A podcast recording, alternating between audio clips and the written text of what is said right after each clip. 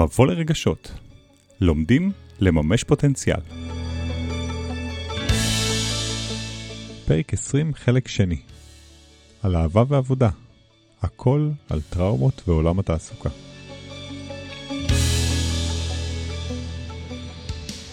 כדי לרפא את הנפש שלנו, חשוב לראות באיזה עיניים אנחנו מסתכלים על עצמנו. חלק גדול מריפוי זה להגיע עם עיניים טובות לעצמנו. ברגע שאני מלמדת את עצמי להסתכל על עצמי בעיניים טובות, דרך זה שאני מגדילה את המשאבים שלי, אני מדברת לעצמי בדיבור פנימי שהוא חיובי, באמונות שהן אמונות מקדמות, מוציאה ביקורתיות, מכניסה יותר חמלה, אני בעצם מגדילה את המשאבים שלי, ולאט לאט אני אוכל לראות שאני אקטין את התסמינים שטראומה יכולה לייצר.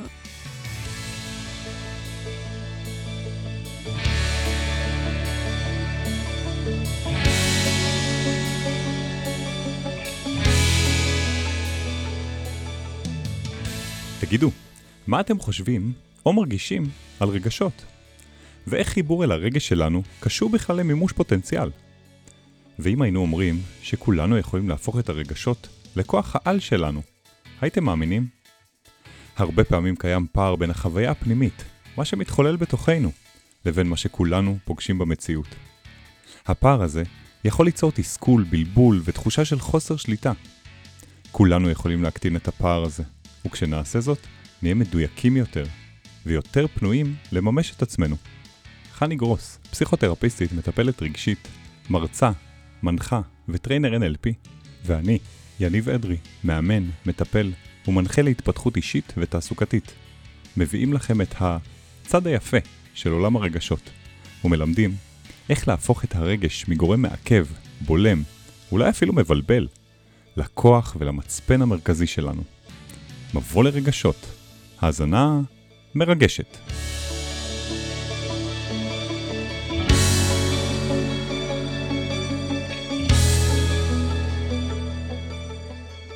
חני, אני רוצה לשאול אותך רגע שאלה כנה.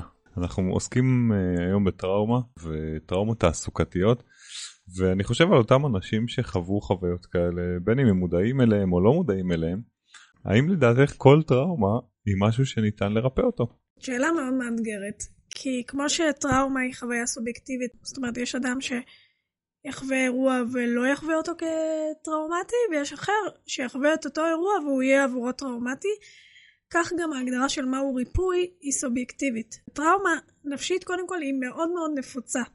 יותר מ-70% מהאוכלוסייה של העולם מדווחת על זה שהיא חוותה אירוע אחד טראומטי בחיים שלה. אבל רק 8% מתוך ה-70 האלה יפתחו תסמינים פוסט-טראומטיים. כלומר, לא כל אירוע שחוויתי יהיה חקוק אצלי בנפש ויהפוך להיות הימנעות או פצע מדמם, זאת אומרת כן תהיה לי את החוויה, אבל החוויה לא בטוח תנהל אותי במעט האחוזים. וכשאנחנו מדברים על ריפוי, צריך לשאול מהו ריפוי, כי אם ריפוי בעיניי זה להפסיק להימנע ולהגיע למקומות שאליהם אני רוצה להיות, בהחלט אפשר לעשות את זה.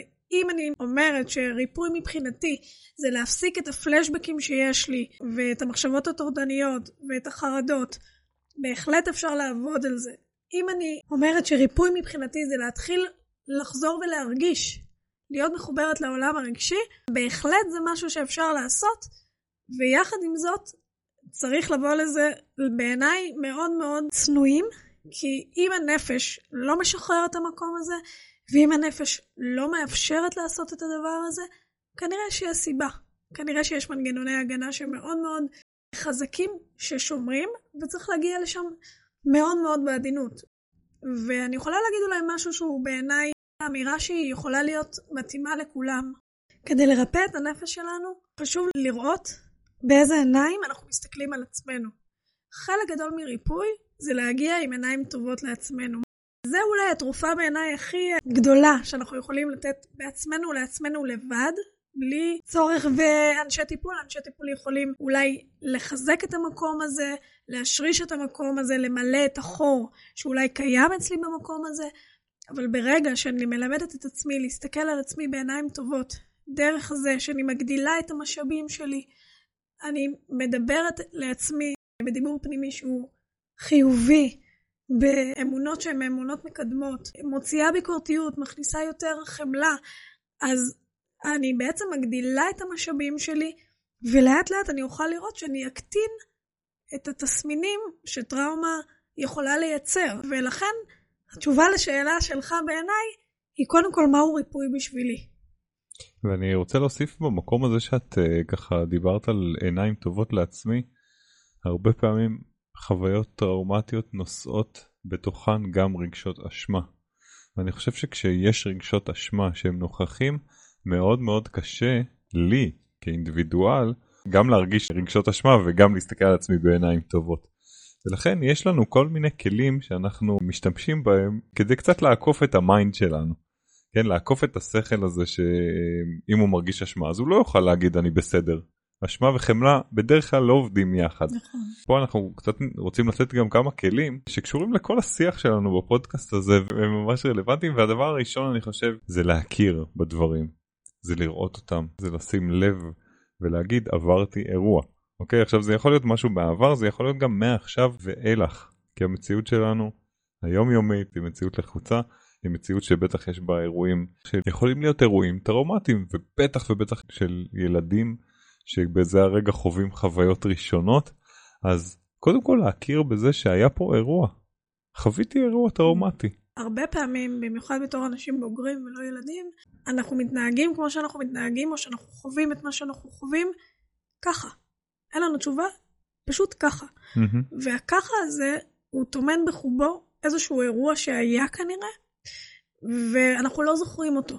לפעמים אתה יכול לזכור אירוע טראומטי, והרבה פעמים אתה לא זוכר אירוע טראומטי. ובמידה ואני לא יודעת שהיה דבר כזה, או היה כאן אירוע, אני אסתכל על התוצרים של הדבר הזה, אני אסתכל על הסימפטומים שכנראה מצויים בחיים שלי ולא נוח לי איתם, והם כבר לא משרתים אותי. שהם יכולים להיות באמת, כמו שאמרנו, הימנעות או כפייה, ביקורת מאוד גדולה על עצמי, כל מיני סימפטומים שגורמים לי היום לאיכות חיים נמוכה. ולשאול את עצמי מה קורה איתי שם, מה אני מרגישה, וללמוד לשים לב לרגש ולתחושות שהוא מעלה. בעצם יש שני רבדים למקום הזה. Mm-hmm. יש רובד שמדבר על אנשים שהם יודעים שעברו טראומה, mm-hmm. ואז מאוד מאוד חשובה ההכרה. נקרא אפילו מתן עדות בעולם הטראומה, וזה נכון, ואני מדברת על האוכלוסייה האחרת, שהרבה. מאיתנו נמצאים שם, שאנחנו רק מזהים את הסימפטומים של אירוע שהיה אצלנו, ושם זה כבר לשלב הבא של שהייה בתוך רגש ותחושה שהיא קשה. ובתוך המקום הזה של שהייה אני רוצה להתקדם לכלי נוסף, שאם כבר שמתי לב, ואם כבר הכרתי בדבר, יש חשיבות מאוד גדולה בלשתף את זה החוצה. בין אם זה גורם טיפולי, אבל זה יכול להיות גם חברה, חבר, או את עצמי, לדבר דיבור פנימי כמו שאנחנו יודעים, אבל לשתף מישהו, לא להיות לבד בתוך המקום הזה. ויש משמעות אדירה, אדירה, אדירה בעיניי למקום הזה של שיתוף. דיברת על מתן עדות, הוא בעצם הופך אותי להיות עד למה שקרה, והוא הופך את האירוע הזה מאירוע שהוא פנימי, אין לו מילים, יש שם רק תמונה וגם היא מעורפלת ונחסמת כי היא קשה לנסיעה, והוא הופך אותה למשהו שהוא נוכח ואפשר להתמודד איתו. הוא הופך אותו למשהו שהוא נוכח ואפשר להתמודד איתו, ומעבר לזה, הוא יכול להיות מה שימנע פוסט טראומה. כי ברגע שאני מתחילה לדבר על זה, וברגע שאני בעצם נותנת לחוויה הטראומטית הזו מילים, אז אני בעצם יכולה אולי לא להשאיר אותה קפואה בזמן. Mm-hmm. אני יכולה בעצם לתת לחוויה הפרה-ורבלית הזאת ורבליות, אני יכולה לתת לה מילים, ואז כבר האנרגיה שהייתה כלואה יכולה לאט לאט לאט לאט להשתחרר. עכשיו, נקודה נוספת שחשוב להבהיר כאן, יש משמעות מאוד גדולה לשיח הזה סביב מתי קרה האירוע. כלומר, אם האירוע קורה, ואם אני מצליחה לדבר עליו ב-24-48 שעות הראשונות, יש לו משמעות מאוד גדולה, האם הוא יתפתח לפוסט-טראומה, או האם הוא יכול לא להתפתח לפוסט-טראומה, ואני אוכל לאט לאט לאט לאט ועם הזמן גם להשתחרר ממנו. זאת אומרת שמספיק שזיהיתי או סימפטום בגוף שלי, פתאום נכנסתי לאיזה התקף חרדה או משהו שאני לא מבין מאיפה, אבל אני יכול לחבר אותו, אם אני חושב על זה רגע, אני חושב, יכול לחבר אותו לאירוע שקרה לי היום בעבודה, וגם אם אני מודע לגמרי לאירוע, מישהו פגע בי באיזושהי ישיבת צוות, פיטרו אותי, קיבלתי איזושהי הערה מלקוח, לא, לא משנה כל כך מה. אם אני מתעסק בזה, אני לא מדחיק את זה, אני לא זורק את זה ל... טוב, זה יעבור, אלא את אומרת, אני מדבר את זה. ב-24-48 שעות הראשונות, מדבר את זה. גם אם זה מאוד מביך, ולפעמים חני, אני חושב שהסיבה שאנחנו מדחיקים זה כי זה מביך, וכי זה כאילו מוריד את הערך העצמי שלנו, אז אנחנו באים להגיד פה לא, הפוך, לדבר את הדברים, למצוא מישהו לדבר איתו, ואפילו אם אין מי, אז לדבר לעצמי, להסתכל למראה ולהגיד, היום נפגעתי בצורה אנושה, ועצם הדיבור הזה כבר ייתן לזה איזשהו תוקף במציאות. ואפילו הוא יאפשר לי להגיד עכשיו אחרי שאמרת את זה איך אתה חושב על, על מה שקרה. זאת אומרת להתחיל את השלב בעצם אולי השלב הבא שהוא השלב של דיבור פנימי. דיבור פנימי מרפא משהו שדיברנו עליו לא מעט בפודקאסט הזה וזה בעצם להתחיל לדבר עם עצמי ולשאול את עצמי שאלות מה אני מרגיש מה הביא לזה מה אני בוחר לעשות וכן הלאה. נקודה נוספת שאנחנו מאוד מאוד רוצים אה, להביא אותה ביכולת של אדם לצאת ממצבים כאלה אה, טראומטיים זה בעצם היכולת להפעיל את הדמיון שלנו, ליצור תמונה רצויה בעתיד. אנחנו מדברים כרגע על טראומה בעולם התעסוקה, ואני יכולה להגיד ששמנו לב בעבודה שלנו, בסדנאות בעיקר, שאנשים שיצאו מתוך עולם התעסוקה או שהרבה זמן כבר לא נמצאים בתוך עבודה שהם רוצים, או אוהבים, או לא נמצאים בכלל בעולם התעסוקה, מאוד מאוד קשה להם לדמיין את עצמם כמה שנים קדימה. ומה שאנחנו רוצים להציע זה להתחבר למקום הזה. לא חייבים לדמיין את עצמך עוד עשר שנים קדימה. אתה יכול לדמיין את עצמך איפה תהיה עוד חצי שנה מהיום, איפה תהיה עוד שנה מהיום, אבל לא איפה אתה חושב שתהיה, אלא איפה אתה רוצה להיות. וברגע שאנחנו מתחילים לייצר בנייה מחדש של אלטרנטיבה תעסוקתית, קודם כל דרך הדמיון, אנחנו יכולים לאפשר לחלק שהוא יותר יצירתי ולחלק שיש בו עוד תקווה. כי בטראומה חשובה שתהיה המון המון המון תקווה בכדי לייצר ריפוי, אז החלק שמדמיין הוא החלק שיש בו המון המון תקווה ויצירתיות, וברגע שאנחנו מאפשרים לעצמנו באמת לדמיין איפה נהיה עוד חצי שנה מהיום, עוד שנה, לא חייבים עוד חמש שנים, עוד עשר שנים, אז אנחנו פתאום יכולים לגלות דברים שלא היינו חושבים כשלא היינו מדמיינים. והכלי הזה הוא כלי מאוד מאוד עוצמתי, אנחנו מכירים אותו, אנחנו רואים אותו כל פעם מחדש ומתפעלים ממנו כל פעם מחדש, כי הדמיון של כל אחד מאיתנו הוא מאוד מאוד שונה. והדמיון בעצם מחבר אותנו לרצונות שלנו, לתשוקות שלנו, שוב פעם לגרעין האמיתי של מי שאנחנו באמת. אני רוצה לחבר את היכולת לדמיין ממש לאירועים קשים או אירועים טראומטיים ולהגיד זה לא רק שאני אדמיין את עצמי עוד חצי שנה או שנה אלא אני יכול לדמיין את עצמי בתיקון של האירוע שקרה. ואני אתן רגע דוגמה, אולי שתי דוגמאות. אם אני מבין, ואני נתתי קודם את הדוגמה הזאת לגבי אה, טראומות ילדות שגרמו לי לא להיות בעל עסק, אם אני מבין שזה טראומה עבורי, אירוע שמנהל אותי, ואני אעצור רגע עם עצמי לגמרי, ואצליח לדמיין את עצמי בעל עסק. במקום הזה אני אוכל להתחבר להרבה מאוד דברים שהם שלי, הם פנימיים, הם תשוקות שלי, הם, הם רצונות שלי, וזה יכול להביא ממש לשינוי של כל המערך התחושתי שלי סביב לפתוח עסק. דוגמה אחרת שאני רוצה לתת פה זה למשל אם יצאתי מרעיון עבודה לא טוב, אוקיי? אני מזהה שאני בהחלט בהחלט חוויתי אותו כטראומה וזה קורה לא מעט לאנשים הם מאוד רוצים להתקבל לעבודה או שרעיון עבודה זה דבר מלחיץ ואני יכול כמובן לעבור את השלבים הראשונים, להגיד קודם כל עברתי פה אירוע. דבר שני אולי לדבר על זה עם מישהו, להתקשר לאמא, להתקשר לחבר, חברה, לדבר עם עצמי כמו שאמרנו. ובשלב הבא להתחיל לדמיין את הרעיון הבא. להתחיל לדמיין מה אני הולך לעשות בו ומה אני הולך להגיד ואיך אני הולך לשבת אחרת או, או לענות אחרת לשאלות או להתלבש אחרת. אני רוצה לדמיין מה אני רוצה להרגיש. Mm. אוקיי זאת הנקודה בעיניי האמיתית והחשובה עוד לפני שאני הולכת לראות מה אני הולכת להגיד. אדיר, ומה... אדיר, אדיר. זאת אומרת, אני אדמיין לעצמי את עצמי יושב ברעיון עבודה ומרגיש מרגיש טוב. ומרגישה כבר בעלת התפקיד, זאת אומרת, כבר דיברנו על זה, נכון mm-hmm. שאנחנו יושבים ברעיון עבודה, אז מאוד מאוד חשוב שכבר נראה את עצמנו בתוך הנעליים של מי שעושה את התפקיד, אבל איך אני מרגישה כשאני כבר בעלת התפקיד הזה. את יודעת, ואת את הולכת לבעלת התפקיד, אבל אני, אני חושב שמי שחווה אירוע קשה בראיון עבודה, רוצה להרגיש קודם כל נינוח. לדמיין את עצמי יושב בראיון עבודה ומחייך, ומנהל שיחה פתוחה עם המראיין או מראיינת שלי. או פיטרו אותי מהעבודה ומדמיין את עצמי כבר נכנס לעבודה הבאה, או מתמודד עם סיטואציה שהייתה קשה, פשוט שם את עצמי בכוח הדמיון במקום הזה, ובאמת כמו שאת אומרת, מתחבר רגע להרגשה, להרגשה הרצויה. חשוב לי להגיד שנכון עוד לפני כן, בכדי להתחבר להרגשה הנכונה זה להתחבר להרגשה הנוכחית. זאת אומרת שאם יצאתי מרעיון עבודה והלך על הפרצוף, ואני מרגישה לא שווה, ואני מרגישה שאני לא.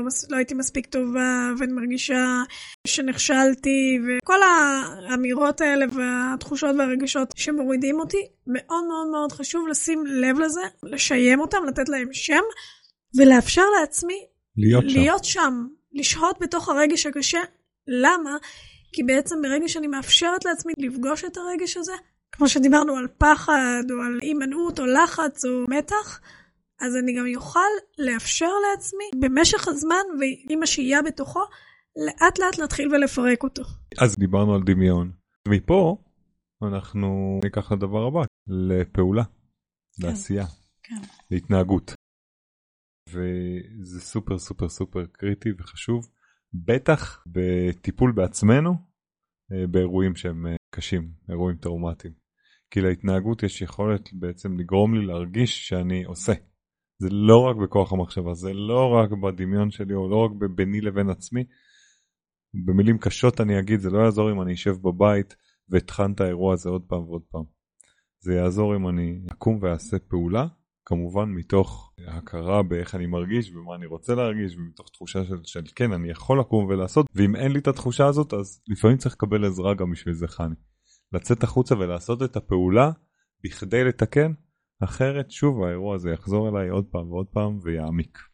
ואם אנחנו מדברים על אירועים בעולם התעסוקה מהמם. ולעשות פעולה, אז באמת הפעולות שאנחנו חושבים שיכולים לקדם באמת אה, התפתחות תעסוקתית אחרי טראומה שהייתה בעולם התעסוקה, זה קודם כל לקבל כלים להתמודדות עם הכנה לרעיון עבודה, או לקבל כלים להתמודדות עם כתיבת קורות חיים, או לקבל כלים להתמודדות עם חיפוש עבודה. זאת אומרת, יש המון כלים שאני יכולה לקבל ובעזרתם לנוע, בכדי להתחיל ולחזור לתוך עולם התעסוקה, או לשפר את, את המקום שלי בתוך עולם התעסוקה, וככל שכמו שאמרת, אנחנו נהיה יותר בתנועה. ונאפשר לאנרגיה הזאת של, במקרה של טראומה היא כלואה בגוף, לצאת ולזוז, אנחנו נרגיש הרבה יותר פרודוקטיביים, אנחנו נרגיש הרבה יותר חזקים, הרבה יותר מסוגלות, הדימוי העצמי שלנו ישתפר והביטחון העצמי כתוצאה מהמקום הזה, גם הוא יעלה. זאת אומרת זה ממש לקחת את עצמנו ולהגיד אנחנו מתנהגים, לא שוקעים לתוך המקום הזה. באמת לא קל להיות במקום הזה, את דיברת על אירועים שקשורים לקבלה לעבודה, אבל גם בתוך עולם העבודה, בתוך העבודה. הייתי באיזושהי ישיבה שירו עליי חצי מפה ועד תאילנד, הייתי באיזשהו אה, אירוע שפיטרתי עובד. אירועים שאני, כן, גם מהם יכול לקום ולשאול, אוקיי, אז מה אני עושה הלאה? וגם פה לקבל כלים. איך אני מנהל ישיבה בצורה יותר טובה? איך אני מנהל שיחה קשה עם עובד או עם מנהל או עם קולגה? זאת אומרת, יש אפשרות ללמוד והבסיס של זה זה להיות בתוך התנהגות. אני יודע, חני, שזה תמיד יותר קל להגיד מאשר לעשות, אבל זה העניין. תכף אנחנו ניגע ככה לסיכום של הפרק הזה בבסיס של הבסיס שאת כבר דיברת עליו גם קודם, על החוסן. החוסן שלנו מאפשר לנו בעצם לעשות את הפעולה הזאת. ואם אנחנו מדברים על חוסן, חוסן נפשי משפיע ומושפע מאירועים טראומטיים שחוויתי בחיים. ככל שאני אגיע עם חוסן נפשי יותר גבוה לתוך חוויות קשות, הסיכוי שהם יהפכו לטראומות הוא קטן יותר. ולכן אני חושבת שחלק גדול מהעבודה שלנו כאן זה להגדיל את החוסן עוד לפני שטראומה יכולה לקרות. זה שלב של התמודדות עוד לפני אירוע טראומטי, וכשאירוע טראומטי פוגש אותי, במידה והחוסן הנפשי שלי גבוה יותר, אז אני אדע להתמודד איתו, במידה והחוסן הנפשי שלי הוא לא מספיק גבוה, אני אוכל לחזק אותו בעזרת אנשים שסביבי, בעזרת התבוננות על המצב, שיום של המצב, שיח של מה שקורה, והבנה שזה מה שקורה כרגע. זה לא אומר שזה מה שיהיה בעתיד זה אומר שזה מה שקורה כרגע, ואם פיטרו אותי מהעבודה, ויצאתי חבולה מהמקום הזה, ויצאתי מושפלת, ויצאתי באמת עם דימוי עצמי וביטחון עצמי, וכאבים מאוד גדולים, לדעת א', שזה קרה לי, שחוויתי אירוע לא נעים, וכנראה שזה אירוע שעבורי הוא, הוא פצע אותי, הוא, הוא סוג של אפילו טראומה בשבילי, כי פיטורים זה טראומה, זה טראומה שהיא ידועה, סוג של טראומה. וברגע שאני משיימת את הדבר הזה לעצמי, ומבינה מה עבר עליי, יהיה לי הרבה יותר קל להתמודד עם זה כרגע, ולאבד את זה, ובשלב הבא גם להבין מה אני רוצה שיהיה מכאן ועכשיו, אבל זה באמת השלב הבא. השלב הראשון הוא קודם כל לא להתעלם, אלא mm-hmm. להתעסק בזה. כשאנחנו מדברים על חוסן נפשי ואת דיברת על לעבור טראומות אז שלא ישתמע שצריך לעבור דברים קשים בלבד בשביל להתחשל. אבל אה, אם דיברנו בפרק הזה על פחד וגם על פעולה והתנהגות אז אני חושב שהתמודדות עם דברים שמפחידים אותנו ואת כולנו מפחידים דברים. יש דברים שאנחנו חוששים או נמנעים מהם להתמודד עם זה לקום ולעשות. הרבה פעמים אני מבקש גם מעצמי וגם מאנשים אחרים תעשה רגע רשימה של שלושת הדברים שאתה נמנע מהם היום. ממה אתה נמנע? ובוא נבדוק אפשרות כן לעשות את זה. אפילו שלמה ארצי באחד השירים שלו אומר, תעשה כל יום דבר שמאז ומתמיד מפחיד. הפעולה הזאת של לעשות משהו שמפחיד אותך, להתמודד, היא גם יוצרת חוסן. היא יוצרת אפילו יותר מחוסן, היא יוצרת תחושת מסוגלות, היא יוצרת הרבה פעמים תחושה של אולי חשק לעשות עוד, כן? אנשים שגם לפעמים מתמכרים לאקסטרים, כן? לעשות כל יום משהו שהוא יותר ממה שעשיתי אתמול. וזה אחת השיטות והגישות להתפתח ולהיות יותר חסינים. זאת אומרת, לא חייבים לעבור אירועים קשים בשביל להתעצב בצורה חזקה. לא, אבל ברגע שאתה תעבור משהו שיפחיד אותך קודם ותתמודד איתו, כשיגיע אירוע מפחיד, הוא כבר יהיה פחות מפחיד. בדיוק. וזה חוסן. אז אנחנו אומרים ש... כל הנושא הזה של טראומות שהצטברו בחיינו, בילדות שלנו ולאורך החיים וגם החיים התעסוקתיים מאוד משפיעים עלינו. ויחד עם זה אנחנו יכולים להגיד שמכל הדברים שככה דיברנו עליהם פה, אפשר לקחת שזה אפשרי, זה נגיש, אפשר לבד ואפשר גם כמובן עם בעזרה של אה, אנשי טיפול, אנשי מקצוע, חברים, אנשים שיכולים לתמוך בי, לעשות התקדמות ולצאת מהמקום הזה, או להשתמש במקום הזה. על מנת לשפר את איכות החיים שלי. ואני חושב שאנחנו שואפים כולנו לדבר אחד, זה שמחת חיים, חופש, אושר, ובפודקאסט שלנו אנחנו גם מדברים על מימוש עצמי, לממש את עצמנו. יש משהו אני חושב בנושא הזה של טראומה, של הכרה בעצמנו כטראומטיים בכל מיני שלבים, בכל מיני מקומות וגם בעולם התעסוקה, שיכול לקחת אותנו צעד אחד אל עבר תחושה שאנחנו פותרים עוד משהו, מרפאים עוד משהו ומתקדמים עוד צעד אל עבר המימוש העצמי שלנו. אני רוצה גם לסכם ולהגיד שטראומות נמצאות בבסיס קבלת ההחלטות שלנו גם בעולם הקריירה. אבל העניין הוא שהן לא מודעות. וחלק גדול מהפרק הזה היה קודם כל להעלות את הטראומה למודעות, להבין שהיא מנהלת אותנו בעולם התעסוקה, או ממש לא רק בעולם התעסוקה, ועד כמה ההשפעה שלה היא כל כך כל כך קריטית, אחד, בבחירת מקצוע, שתיים, בהתנהלות בתוך עולם התעסוקה והתנהלות בתוך יחסים, ושלוש, בקצב ההתקדמות שלנו. וככל שנכיר יותר את עצמנו, וככל שנבין מה מניע אותנו, מה מעכב אותנו, ממה אנחנו נמנעים, ואיזה פצעים יש לנו שהם לא נראים, כי טראומה היא בדרך כלל משהו שהוא לא נראה, אלא אם כן זו טראומה אה, פיזית, יהיה לנו יותר קל לממש את עצמנו גם בתוך עולם תעסוקה. ואני חושבת שעולם התעסוקה והעבודה זה חלק מאוד מאוד קריטי לבריאות נפשית, כי דרכו אנחנו יכולים בסופו של דבר גם להגדיל את תחושת המסוגלות שלנו, גם להגדיל את הדימוי העצמי שלנו, גם את הערך שלנו בינינו ובפני עצמנו, ולייצר, לייצר תוצרים בתוך העולם הזה. ולכן החיבור בין טראומה לתעסוקה הוא כל כך קריטי. אני רוצה לסיים בהשראה, ואנחנו רואים לא מעט אנשים שנותנים אה, הרצאות מעוררות השראה כאלה, והרבה מהאנשים האלה זה אנשים שחוו טראומה. אנשים שחוו טראומות והצליחו למנף אותם בעצם ממש למימוש עצמי, לממש את היכולת שלהם להשפיע על אנשים אחרים, לעשות הרצאות, לאפשר לאנשים אחרים איכות חיים טובה יותר בעצמם. אז אני חושב שטראומה אה, ואירועים קשים יכולים גם להיות משהו שלוקח אותנו למקומות גבוהים ולמימוש באמת אמיתי של החיים שלנו. ואולי אנחנו יכולים להגיד אמירה כללית שדברים לא קורים סתם. ואם דברים לא קורים סתם אז אנחנו צריכים לתת להם משמעות. התרגשנו להגיש לכם את הפרק על טראומות ועולם התעסוקה. אנחנו מקווים שהדברים שנאמרו בפרק הזה יכולים לעניין, או אולי אפילו לסייע לאנשים שאתם אוהבים ואוהבות. פשוט תעבירו להם, זה קל ועושה טוב. תוכלו לשמוע עוד פרקים וגם לדרג אותנו באפליקציות השונות, Spotify, iTunes, Google Podcast, ובקרוב גם באתר שלנו. מבוא לרגשות. האזנה מרגשת.